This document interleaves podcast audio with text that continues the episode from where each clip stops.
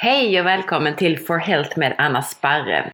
Idag tänkte jag ta upp ett av de mest populära ämnena som jag har skrivit om på bloggen på forhealth.se. Nämligen stress, utmattning och trötta binjurar. Om ni är nyfikna efter avsnittet så hittar ni mer information på forhealth.se jag vill också uppmana er att titta in där redan nu på forhealth.se och ställa frågor om hälsa, sömn, vikt, mat, hormoner eller något annat som ni är intresserade av och som ni vill att jag tar upp och eh, besvarar här i kommande podcastavsnitt. Jag hoppas att ni är lika nyfikna och förväntansfulla som jag är på den här nya podcasten. Äntligen en hälsopodcast på svenska från eh, vårt low carb community, eller vad vi nu ska kalla vår stora grupp här som försöker äta och leva som vi är gjorda för. Men nu till ämnet. Jag ska prata om hela västvärldens största problem vid sidan av kosten. Ja, eller egentligen kan man säga att en del av de problem som kommer av kosten faktiskt hamnar i den här kategorin, alltså under det här ämnet. Och vi pratar alltså om stress och stressens följdsjukdomar. Om vi börjar med symptom så är det så att symptom som utmattning, trötthet, ängslan, depression, sömnlöshet, svårigheter att gå ner i vikt, särskilt runt midjan. Det kan vara ofrivillig barnlöshet eh, och PMS. Allt det här kan vara följderna av långvarig kronisk stress och det som vi kallar för binjureutmattning eller trötta binjurar. Och på samma sätt så kan långvariga förkylningar, muskelvärk, minskad sexlust, hjärtklappning, yrsel, blodtrycksfall, glömska kan också vara följder av det här. Alltså det kan vara symptom på att vi har stressat så länge så att våra binjurar börjar bli trötta. Och jag ska komma in på det här hur det fungerar med binjurar och varför jag pratar om binjurar. Men väldigt kort så är det så att stresshormonerna produceras av våra binjurar som sitter, det är små organ som sitter ovanför våra vanliga njurar så att säga. Och de utsöndrar ett antal olika hormoner. Om jag fortsätter lite på symptomen så energibrist som, som kommer på morgonen och även på eftermiddagen, kanske runt 2-3 tiden svårighet att återhämta sig när, vi har, när man har tränat. Behov av kaffe eller andra stimulanter, alltså koffein då, eh, och sug efter salt mat kan också vara tecken på det här. Håravfall även hos kvinnor. Och det finns många andra symptom, listan är väldigt lång. Och som ni märker så är det ganska generella symptom. Men det man kan tänka på är att har man flera av de här och dessutom tror sig ha stressat under lång tid så, så är man i riskzonen helt enkelt. Det är också vanligt att man faktiskt kan uppleva motsägelsefulla symptom. Man kan till exempel vara trött och rastlös samtidigt man kan känna sig så trött trots att man har sovit länge. Eller så kan man ha svårt att somna trots att man är jättetrött. Och man kan ha ett blodtryck som ibland är högt och ibland är lågt. Eller går det från högt till lågt eh, under loppet av bara ett eller ett par år. Många av de här symptomen beror på att rubbningar i ett hormonsystem, i det här fallet binjurarna och eh, stresshormonerna, i sin tur påverkar andra hormonsystem. Och därför kan rubbningar då i den här stressresponsen påverka bland annat könshormonerna, sköldkörtelhormonerna och ja, flera andra, melatonin och sömnhormoner och så vidare. Men jag kommer till mer om det här med stresshormoner och stresshormonsystemet snart. Jag ska nog faktiskt backa och ta ett steg tillbaka först, bara för att förklara för er som inte vet vad ett hormon faktiskt är och vad hormoner gör. Ni känner säkert till en, en herrans massa hormoner. Alla har väl hört eh, östrogen som är kopplat till kvinnliga könshormoner och insulin vet man om man känner någon som är en diabetiker till exempel. Men ett hormon kan man säga det är en budbärare eller ett brev, hur man nu vill se det, som utsöndras från något organ i kroppen eller från hjärnan. Alltså det kan komma från levern, från njurarna, i det här fallet från binjurarna eller från hjärnan till exempel. Och då skickar organet ut det här ämnet, alltså en kemisk substans som åker ut i blodet och som går till sina målceller. Och på cellerna så sitter det något som kallas för receptorer. Och receptorer är då brevlådorna eller mottagarna av det här bud, budbäraren brevet, så att säga. Så det man kan säga är att hormonerna talar om för cellerna vad de ska göra. Det kommer ett brev eller ett bud med ett meddelande om vad som ska hända. Jag tror att många av er känner till insulinet och insulinets bud till cellerna är att packa undan blodsocker och att lagra in det som fett i de flesta fall. Så det är ett hormon och det är så hormoner fungerar och jag brukar själv säga att hormoner styr allt. Vi har hormoner för allting egentligen rent faktamässigt så är det så att vi har två olika styrsystem i kroppen. Det är hormonsystemet och så är det nervsystemet.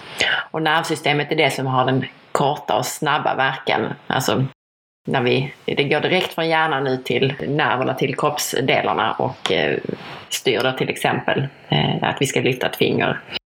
Medan hormonerna har en lite mer fördröjd verkan men styr minst lika mycket som nervsystemet. Okej, okay, vi fortsätter med det här spännande ämnet som jag tycker att det är. Med stress och hormoner och, och så vidare. Förhöjda stressnivåer beror inte alltid på att man har ett stressigt liv. Alltså kroppen svarar med ett, en eh, stressrespons på en rad olika saker. Stress eh, i sig betyder egentligen påfrestning. Så allting som påfrestar kroppen är stress för kroppen. Det kan vara yttre stress från jobb och andras krav på att du ska prestera. Men det kan också vara inre stress och oro kopplat till bland annat en låg självkänsla. Självkänsla har jag skrivit mer om på forhealth.se. Så om du undrar över vad självkänsla är så kan du gå in och söka i sökfältet på forhealth.se. Men stress kan också bero på sjukdom, ilska, infektioner. Det kan vara trauman, alltså akuta händelser. Det kan vara smärta. Det kan också vara svängigt blodsocker. Här har vi kosten alltså. Stresshormoner utsöndras eh, ju för att höja blodsockret när det dalar. Så svänger blodsockret så får vi väldigt mycket stresspåslag, kortisolpåslag. Och det kan också vara koffein och andra stimulanter. Allt detta är alltså stress för kroppen. Det är påfrestningar. Påfrestningar som gör att kroppen vill återställa balansen genom att utsöndra stresshormon. Sen har vi träning. Träning är ett kapitel för sig. Därför träning i sig är en påfrestning för kroppen. Det är alltså en stressor. Överdriven träning är därför inte bra utan faktiskt en väldigt vanlig anledning till stress. Det är lite så i, i västvärlden här att antingen tränar vi inte alls eller så tränar vi alldeles för mycket. Det är väldigt vanligt att det är så. Men fysisk aktivitet är också en normal respons på stress. Alltså stress gör ju oss redo för att fly och jaga egentligen. Alltså det är egentligen det det är till för. Det, såg vi en björn så skulle stresspåslaget mm, gå igång så att säga. Vi fick blod till hjärta och muskler så att vi kunde fly snabbt. Och det här betyder att kort intensiv träning i lagom mängd eh, är ett bra komplement om man har förhöjda stressnivåer. Eftersom vi då gör det som, som vi är gjorda för att göra när vi får ett stresspåslag. Vi gör oss av med det så att säga. Man kan ofta känna att man blir av med stressen om man tar en rask promenad till exempel. Och stretching och andra mjuka aktiviteter är såklart också eh, väldigt bra mot stress och bra för hälsan överlag. Sömn är en av de vanligaste orsakerna till problem med stress och, och utmattning. Och då pratar jag om för lite sömn, men också en ostabil dygnsrytm. Att man har oregelbundna tider eller att man faktiskt sover på fel tider om man jämfört med vad vi är gjorda för. Vi är gjorda för att sova när det är mörkt. Och det kan orsaka stress eh, eller avvikelser i kroppens stressrespons. Man kan säga det att, att melatonin, det huvudsakliga sömnhormonet, är motpolen till kortisol, det huvudsakliga stresshormonet. Så att sova är verkligen ett botemedel mot, mot stress och utmattning. Okej, okay. låt oss komma in nu lite grann på hur det fungerar i kroppen. Det mest spännande enligt mig. Som jag sa så består kroppens kontrollsystem av nervsystemet, alltså elektriska signaler mellan hjärna och ryggrad och alla delar av kroppen.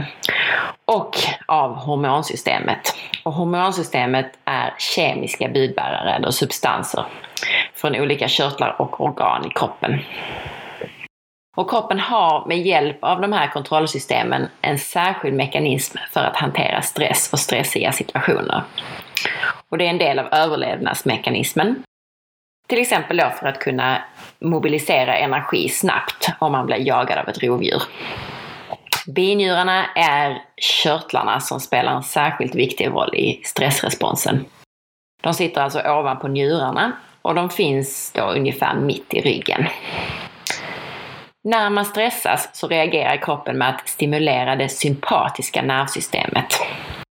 Och vill du förstå nervsystemets delar, alltså när det gäller sympatiska och parasympatiska nervsystemet, så finns det mycket skrivet om det på forhealth.se igen. Så att det är bara att gå in och söka där. Kanske blir det ett eget podcastavsnitt om det också. Men det sympatiska nervsystemet är det som, som aktiveras när vi är aktiva och det parasympatiska är det som aktiveras när vi är i vila. Och det jag pratar om här alltså är den här fight or flight eh, responsen eller kämpa eller fly på svenska. Och det gör kroppen redo för då vad som kan tänkas komma. Det sympatiska nervsystemet stimulerar bland annat hjärtat att slå snabbare. Men det har också kopplingar direkt in i hormonsystemet. I hormonsystemet så stimuleras då binjurarna att utsöndra adrenalin, som är ett akut stresshormon. Och det stimulerar också hypofysen i hjärnan att utsöndra ACTH. ACTH från hypofysen stimulerar i sin tur binjurarna att öka produktionen av kortisol. Nu blev det mycket här på en gång och det, man behöver absolut inte kunna eller förstå exakt hur det fungerar men det jag vill komma till är att det är ett ganska invecklat system. Kroppen är helt perfekt anpassad för de stresssituationer som vi är gjorda för. Som att fly från en björn till exempel. Kortisolet och adrenalinet, alltså stresshormonerna. Eller egentligen så är det faktiskt antistresshormoner för det är de som ser till att kroppen behåller jämvikt när vi utsätts för stress, alltså för påfrestningar. Kortisolet och adrenalinet i alla fall stimulerar frisättning av energi från kroppens depåer. Och då gör det om det, konverterar de här e- energidepåerna till blodsocker. Och det stimulerar hjärtat att slå snabbare, blodkärlen att dras samman. Man ökar sin svettning, musklerna spänns och du är alltså redo. Samtidigt så prioriteras en del kroppsfunktioner ner. Alltså allt som inte behövs när vi flyr från en björn. Det ska vi inte hålla på med när vi är stressade. För rent evolutionärt sett igen så var ju det här någonting som skulle vara några sekunder, max någon minut. Alltså att vi flydde eller att vi jagade. Så det som prioriteras ner är till exempel matsmältning. En vanlig effekt av stress är att vi antingen blir hårda i magen eller får diarré. Olika personer svarar olika på det här. Men också immunsystemet. Det behövs ju inte under den här minuten. Vi, vi behöver inte reparera eller göra oss av med virus precis just då under den, de få sekunderna vi flyr. Så magen och immunsystemet brukar ta stryk ganska hårt. Kortisol skyddar alltså kroppen mot utmattning när den utsätts för stress genom att bland annat höja blodsockret. Men utsätts man för kronisk stress så är kortisolnivåerna ständigt höga. Tills dess att vi har slitit ut systemet och våra binjurar. Tänk egentligen det här med diabetes som många känner till. Det handlar ju om att vi dag ut och dag in, måltid efter måltid, för förhöjda blodsockernivåer. Vilket gör att vi hela tiden måste slå på insulinpåslaget alltså, och utsöndra insulin. Kroppen är inte gjord för att vi hela tiden ska utsöndra insulin och till slut har vi slitit ut det här systemet så att det inte fungerar längre och vi har utvecklat diabetes. På samma sätt är det med binjurarna och kortisol. Om vi dag ut och dag in, flera gånger per dag, måste slå på stresssystemet och det, slår på, det är på eh, konstant under många timmar så är det så att vi till slut sliter ut systemet. Binjurarna blir alltså trötta. Nu är det dock så att binjurarna producerar många fler hormoner än just de här stresshormonerna. Aldosteron reglerar mineralbalansen i kroppen. Ökad stress ökar aldosteron vilket gör att natrium, alltså salt, hålls kvar i kroppen. Och vattenmängden ökar och blodtrycket ökar därför av stress. Samtidigt så förlorar man kalium och magnesium, vilka båda är livsviktiga mineraler som vi behöver. Så stress är inte bra för mineralbalansen på det sättet. Det man märker sen när man har stressat länge och man kommer till det här stadiet att, att binjurarna faktiskt börjar bli trötta är att det blir tvärtom. Eftersom kortisolet då sjunker fast det egentligen behöver öka. Alltså binjurarna orkar inte längre utsöndra kortisol så brukar man förlora vattenmängd och därmed sjunker blodtrycket. Och då har vi de här motsägelsefulla symptomen att man kanske först egentligen lider av ett högt blodtryck. Och sen inom loppet av ett eller två år så har, lider man helt plötsligt av ett lågt blodtryck.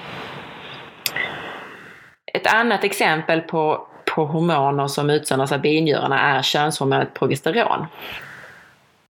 Problemet här är att progesteron är ett förstadium till kortisol. Så när stressnivåerna är höga så prioriteras kortisolproduktionen. Så att, istället, att omvandlingen fortsätter till kortisol och då får vi mindre progesteron från binjurarna. Och det här gör att balansen mellan könshormonerna störs av stress. Man får det som kallas för östrogendominans, vilket betyder då att du har för mycket östrogen i förhållande till progesteron. Alltså, stresset gör att vi får för lite progesteron.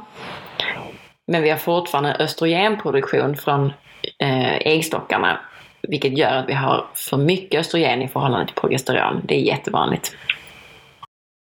Dessutom så har vi andra källor till östrogen idag. P-piller och fytoöstrogener från sojaprodukter och annat som gör att vi ofta har för mycket östrogen faktiskt.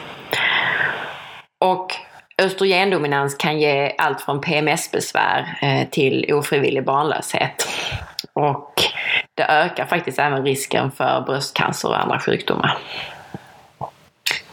Ytterligare ett exempel på hormoner från binjurarna är hormonet DHEA. Och DHEA är det som jag kallar för ett moderhormon, alltså ett förstadium till andra hormoner som produceras av binjurarna. Bland annat en rad olika könshormoner, både manliga och kvinnliga. När kroppen är under kronisk stress och kortisolnivåerna ökar så minskar DHEA-nivåerna. Och den här obalansen mellan DHEA och kortisol kan ge alla möjliga problem. Det kan ge försämrad insulinkänslighet, försämrat immunförsvar då eh, immuncellernas aktivitet minskar, försämrad kalciumabsorption och därmed svagare benstomme. Dessutom är den här obalansen, obalansen en bidragande faktor till den här östrogendominansen som vi pratade om nyss. Även till viktökning kring midjan och till högt blodtryck eh, eftersom man ansamlar då salt och vatten. Vad som också kan vara värt att veta är att kortisol har en dygnsrytm, precis som många andra hormoner. Så även när vi inte är under stress så ökar kortisolnivåerna på morgonen för att vi ska vakna. Det är alltså, som jag nämnde innan, motpolen till det här melatoninet som slår på, slås på när det blir mörkt och när vi ska sova. Och sen så ska kortisolnivåerna normalt minska under dagen och vara som lägst på natten när vi sover. Det vill säga när melatoninet går upp går kortisolet ner och när kortisolet går upp på morgonen så går melatoninet ner.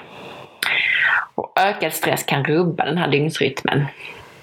Så har man en dygnsrytm som inte fungerar riktigt som den ska så är det troligen på grund av stress av något slag.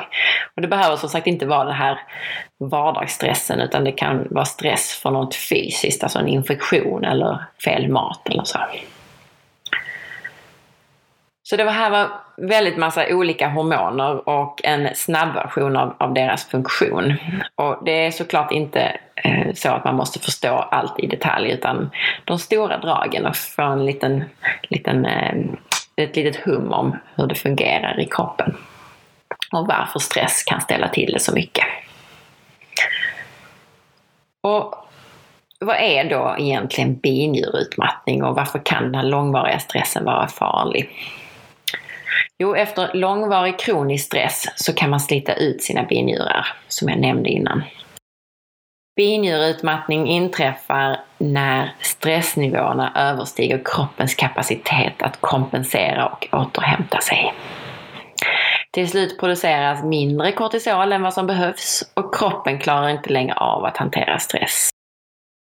Alltså binjurarna blir trötta, de slits ut.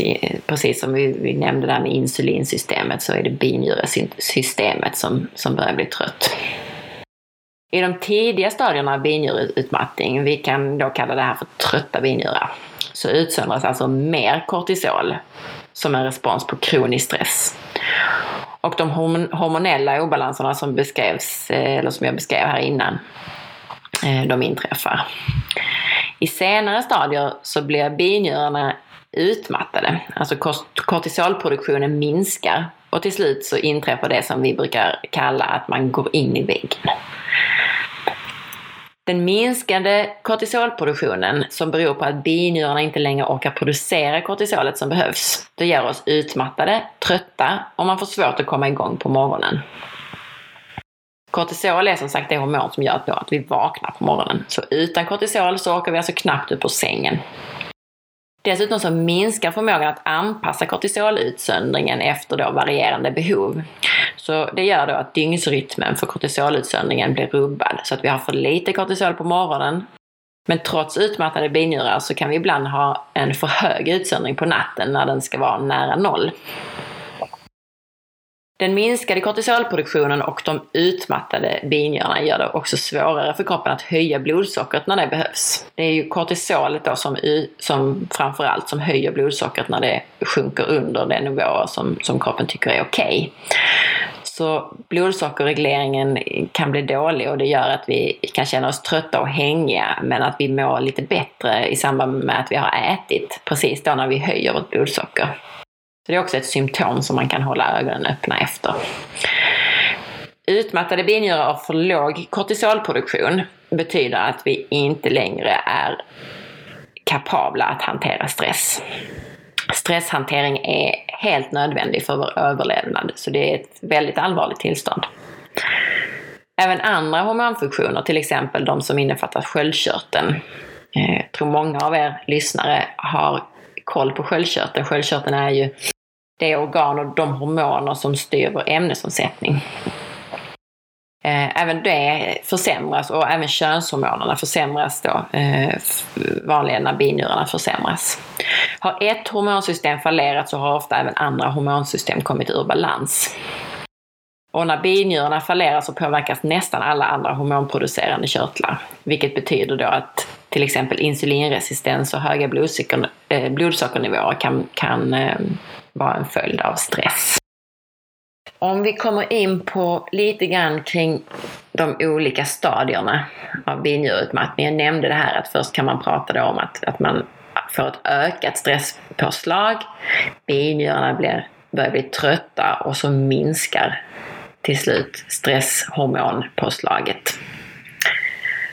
Och i de här tidiga stadierna när man stressar en massa och, och eh, har mycket att göra på jobbet och sover lite dåligt och äter lite dåligt så kan man ofta vara symptomfri. Alltså kroppen klarar ganska mycket. Man är utsatt för många stressorer, det vill säga påfrestningar som stressar kroppen. Fysiska och mentala. Man lever med stress. Kroppen svarar därför med att ha det sympatiska nervsystemet på för fullt och med att utsöndra stresshormoner som adrenalin och kortisol. I det här stadiet så fungerar den här responsen fortfarande. Den kompenserar för stressen och kroppen kan i stort sett kännas som vanligt.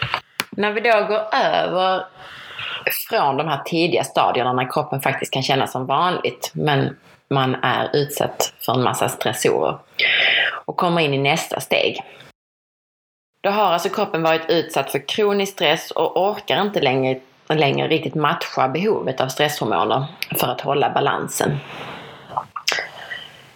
Vi pratar ju alltså om att kroppen alltid försöker bibehålla en slags jämvikt. Och ett sätt är att utsöndra stresshormoner när man är utsatt för påfrestningar. När man då har varit utsatt för kronisk stress så i det här stadiet så börjar man ofta få en känsla av ångest. Man blir lättirriterad, man får sömnbesvär, man får hormonella obalanser som PMS. Och vanligt är att man känner sig trött på morgonen och under dagen, men som vanligt på kvällen. Kroppen orkar inte upprätthålla den normala kortisolcykeln, alltså cykeln av utsöndring av stresshormon. Vilket man kan kalla för dygnsrytmen. Normalt ska vi ju ha större utsöndring av kortisol på morgonen och dagen. Och sen så ska den minska under dagen och vara som lägst på natten, som vi nämnde innan. I senare och mer allvarliga stadier så blir symptomen allt värre. Det är vanligt att man tydligt märker av andra hormonella obalanser som en underaktiv sköldkörtel. Och sköldkörtelrubbningar, det är väldigt vanligt, jag tror många av er känner till det. Man får en minskad ämnesomsättning och symptom som kalla händer och fötter och viktökning och så vidare. Och samtidigt så känner man sig utmattad i de här senare stadierna av binjuretrötthet. Ju längre det fortgår desto mer utmattad blir man och desto fler funktioner i kroppen börjar skruvas ner. Till slut så blir man helt sängbunden. När binjurarna eh, kollapsar så upplever man en extrem utmattning, svaghet, ofta viktminskning istället för viktökning. Man kan uppleva illamående, svettningar, huvudvärk, uttorkning och vätskebrist. Det är det här med, med eh, kopplat till det här aldosteron som, som sköter saltbalansen. När det inte det funkar längre så, så eh, drabbas man av uttorkning och vätskebrist. Och sen kan man också drabbas av depression. Kroppen klarar inte längre av att balansera mot omgivningen och upprätthålla det som den jämvikt, homeostas som det heter på finspråk. Och den bryts helt enkelt ner. Om vi då kommer lite mer till det här med att testa binjurar och, och förmåga att producera kortisol. Så är det så att binjurutmattning är inte en erkänd sjukdom och därför så kan det vara svårt att få diagnosen. Inte förrän att vi når den här berömda väggen och, och binjurarna totalt har kollapsat så får man en diagnos med utmattning. Vanligtvis så får man istället en, en remiss till en, till en psykiatriker eller, eller liknande. För att, och så klassar man det som en depression. De vanliga blodtester som används i vården är, är utformade för att upptäcka absoluta brister. Och då måste nivåerna vara extremt låga för att upptäckas. Eller väldigt höga nivåer. Det går att mäta kortisolresponsen vid olika tillfällen på dagen och på så sätt få en bild av binjurarnas funktion. Normalt ska binjurarna utsöndra alltså mer kortisol på morgonen och mindre på kvällen. Eh, och ibland kan, kan man ha ett par mindre toppar runt lunch och vid sextiden på kvällen. Man vet att avvikelser i den här eh, kortisolresponskurvan så att säga, att det antyder stress och, och trötta binjurar. Och det är därför möjligt att mäta och ställa diagnos. Mätning av kortisol i saliv eh, kan ge information om hur mycket kortisol binjurarna producerar under dygnets olika timmar. Eh, och som når ut i vävnaden i kroppen alltså. Det mäts alltså som fritt biotillgängligt kortisol som man säger. Testet ger svar på om binjurarna klarar av att svara mot kroppens behov av kortisol. Och bara fritt kortisol är biologiskt aktivt och just därför så fungerar det här salivtestet till skillnad från salivkortisoltest så mäter blodtest av kortisol både det som är bundet, proteinbundet kortisol och fritt kortisol. Alltså både det som är aktivt och det som inte är aktivt. Och det här blodtestet tas vid ett tillfälle under ett dygn och ger inte svar på hur binjurarna utsöndrar kortisol cykliskt, alltså inte hur det eh, svarar till den här dygnsrytmen som kortisol har. Och det behovet som man har under dygnet. Så att det, det, finns även det finns urintest Eh, som mäter mängden omsatt kortisol under dygnet. Men det ger inte heller någon upplysning om avvikelser i, i rytmen av kortisolutsöndring. Så att för, för, att summera det här när det gäller att testa så är det så att salivtest flera gånger per dygn är det som kan fungera för att försöka mäta binjurarnas funktion. Eftersom det här mäter det aktiva kortisolet Eh, man ska eh, också vara medveten om att låga kortisolnivåer kan orsakas av faktorer utanför binjurarna. Så det är bäst att eh, ställa en diagnos genom att både då mäta via saliv och att se till hela den här symptombilden. Och ehm, man kan göra sådana här salivkortisoltest hos mig på forhealth.se. Eh, kan man klicka där på hälsotester och så kan man göra det. Och det vi gör då är att vi gör ett test som man får ett testkit hem och eh, så gör man det här testet själv. Man spottar i rör under olika delar av dygnet. DHL kommer och hämtar upp det och så skickas det för analys. Och Sen gör, har vi en 30 minuters genomgång över telefonen där vi ser till hela symptombilden. Så är du intresserad av det så, så är du jättevälkommen att, att höra av dig. Och i, i det testet där jag testar så testar vi också det här eh, som heter DHEA, det här moderhormonet, så att man kan se på balansen mellan DHEA och kortisol.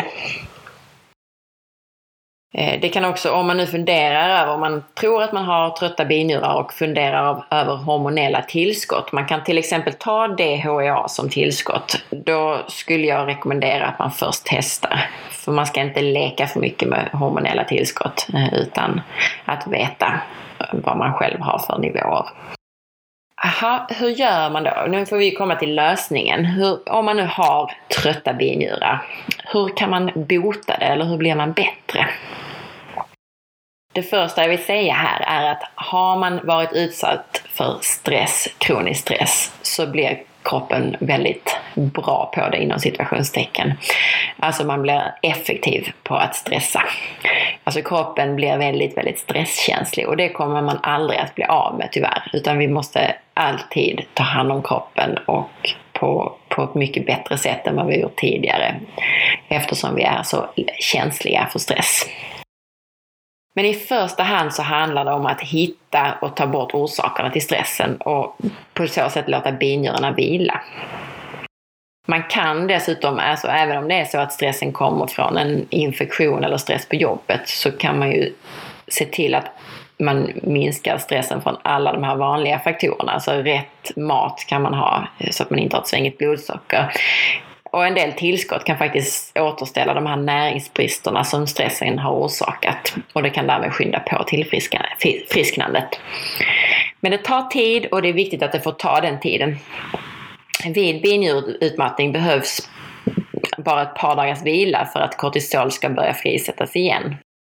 Men det kan ta lång tid innan produktionen är helt i sin ordning. Och den kanske aldrig kommer, kommer tillbaka och blir helt bra.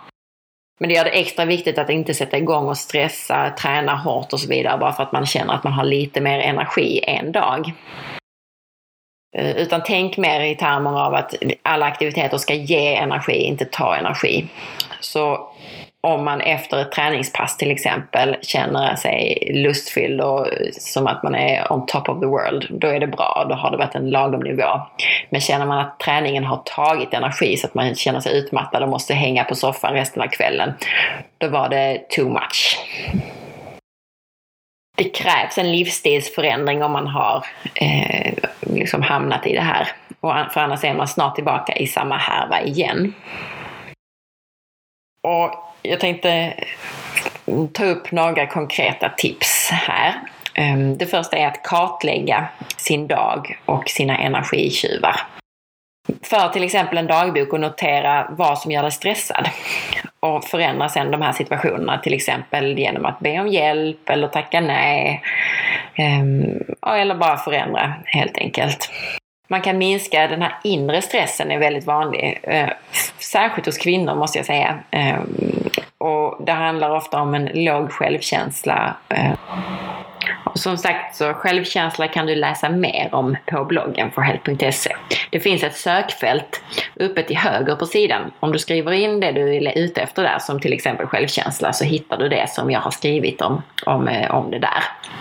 Om jag nu ska komma tillbaka till tipsen så eh, träning är som sagt en naturlig stressminskningsmetod.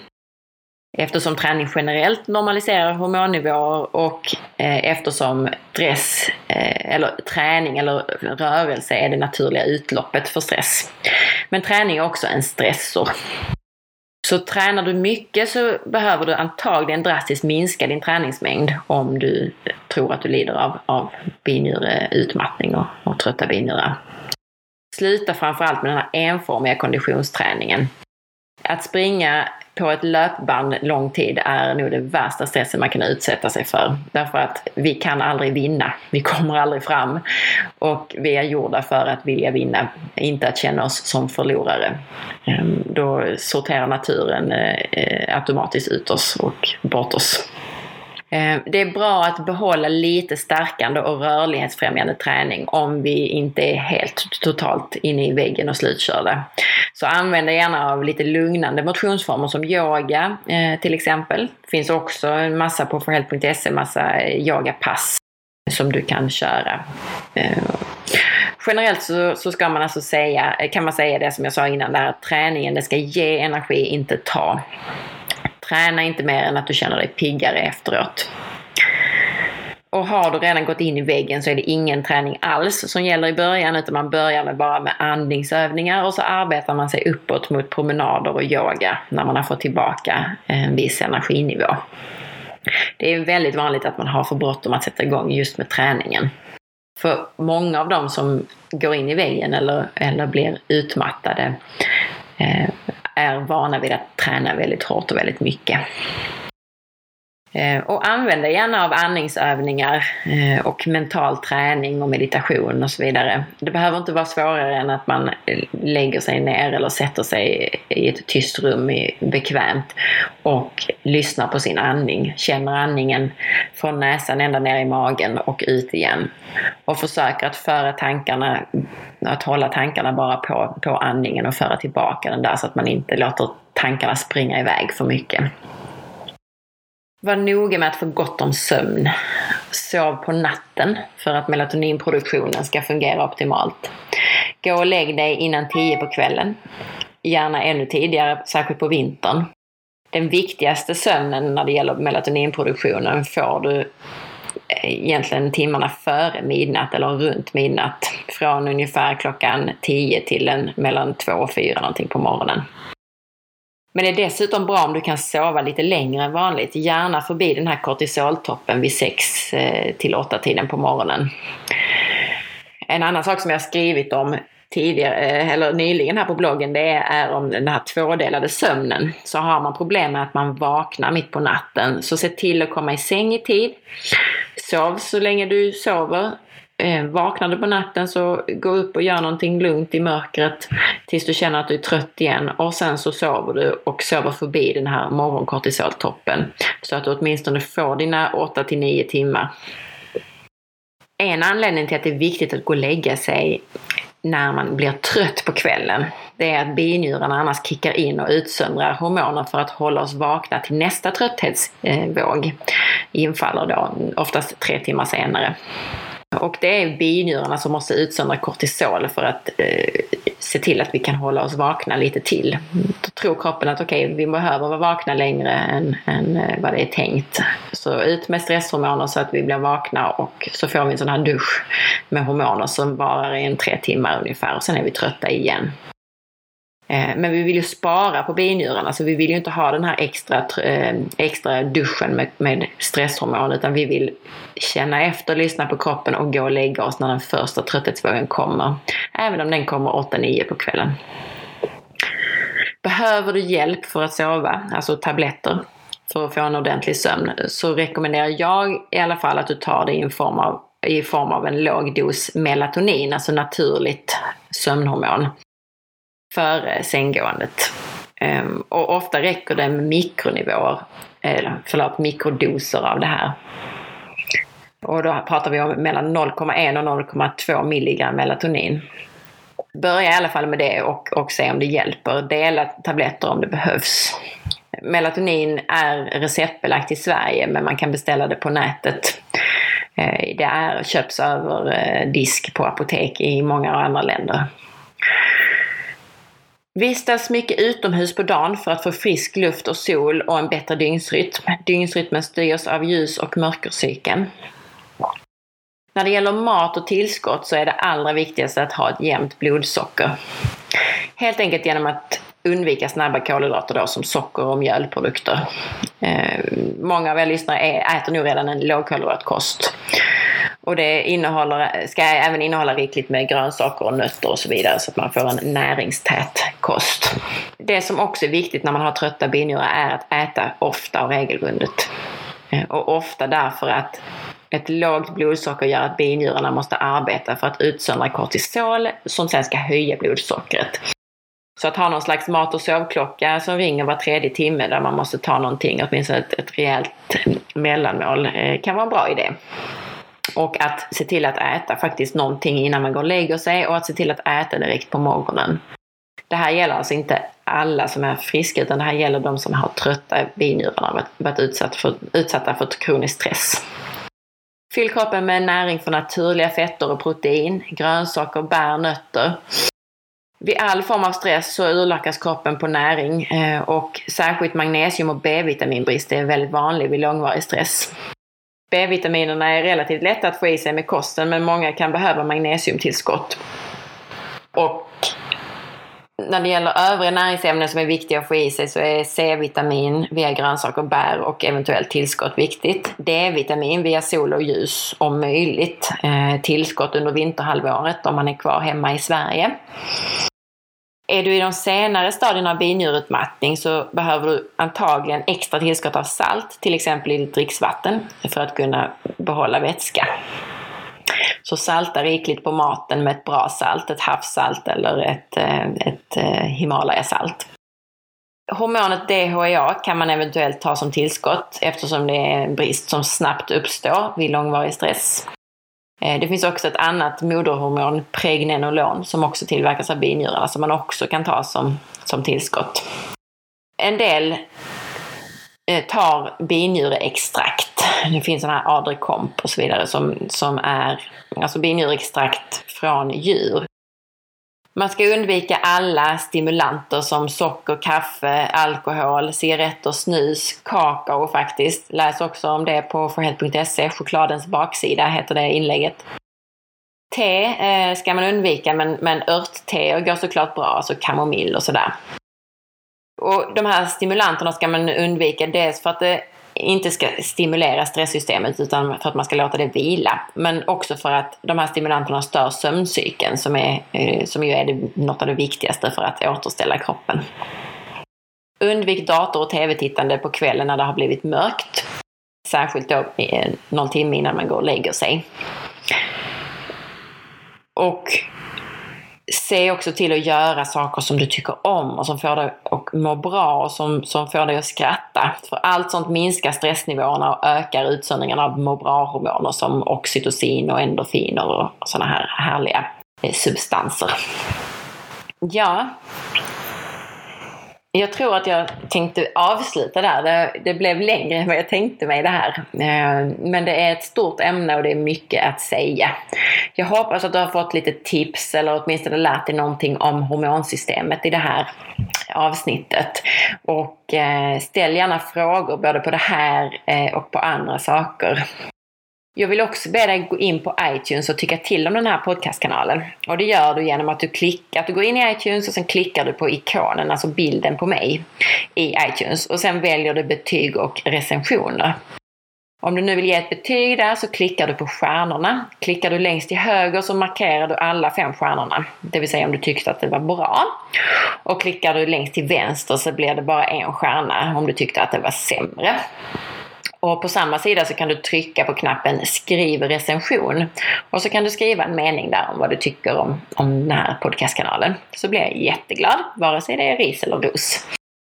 Och om du vill dela med dig av avsnittet till en vän så klickar du på pilen bredvid knappen prenumerera. Och så väljer du antingen att kopiera länken och så klistrar du in det till exempel i ett mail till din kompis. Eller så väljer du dela på Facebook. Glöm inte heller att titta in på forhealth.se för att ställa frågor som vi kan ta upp i kommande avsnitt. Du kanske har följdfrågor på det här ämnet, stress och binjurar. Eller så har du frågor om något helt annat. Och frågorna ställer du i kommentarerna till blogginlägget. Du kan ställa det eller blogginläggen. Du kan ställa det i vilka blogginlägg som helst, men du får jättegärna ställa det i något avsnitt i kategorin podcast. Tackar för mig idag och tack så jättemycket för att du lyssnade och förhoppningsvis på återhörande och ha en riktigt härlig dag.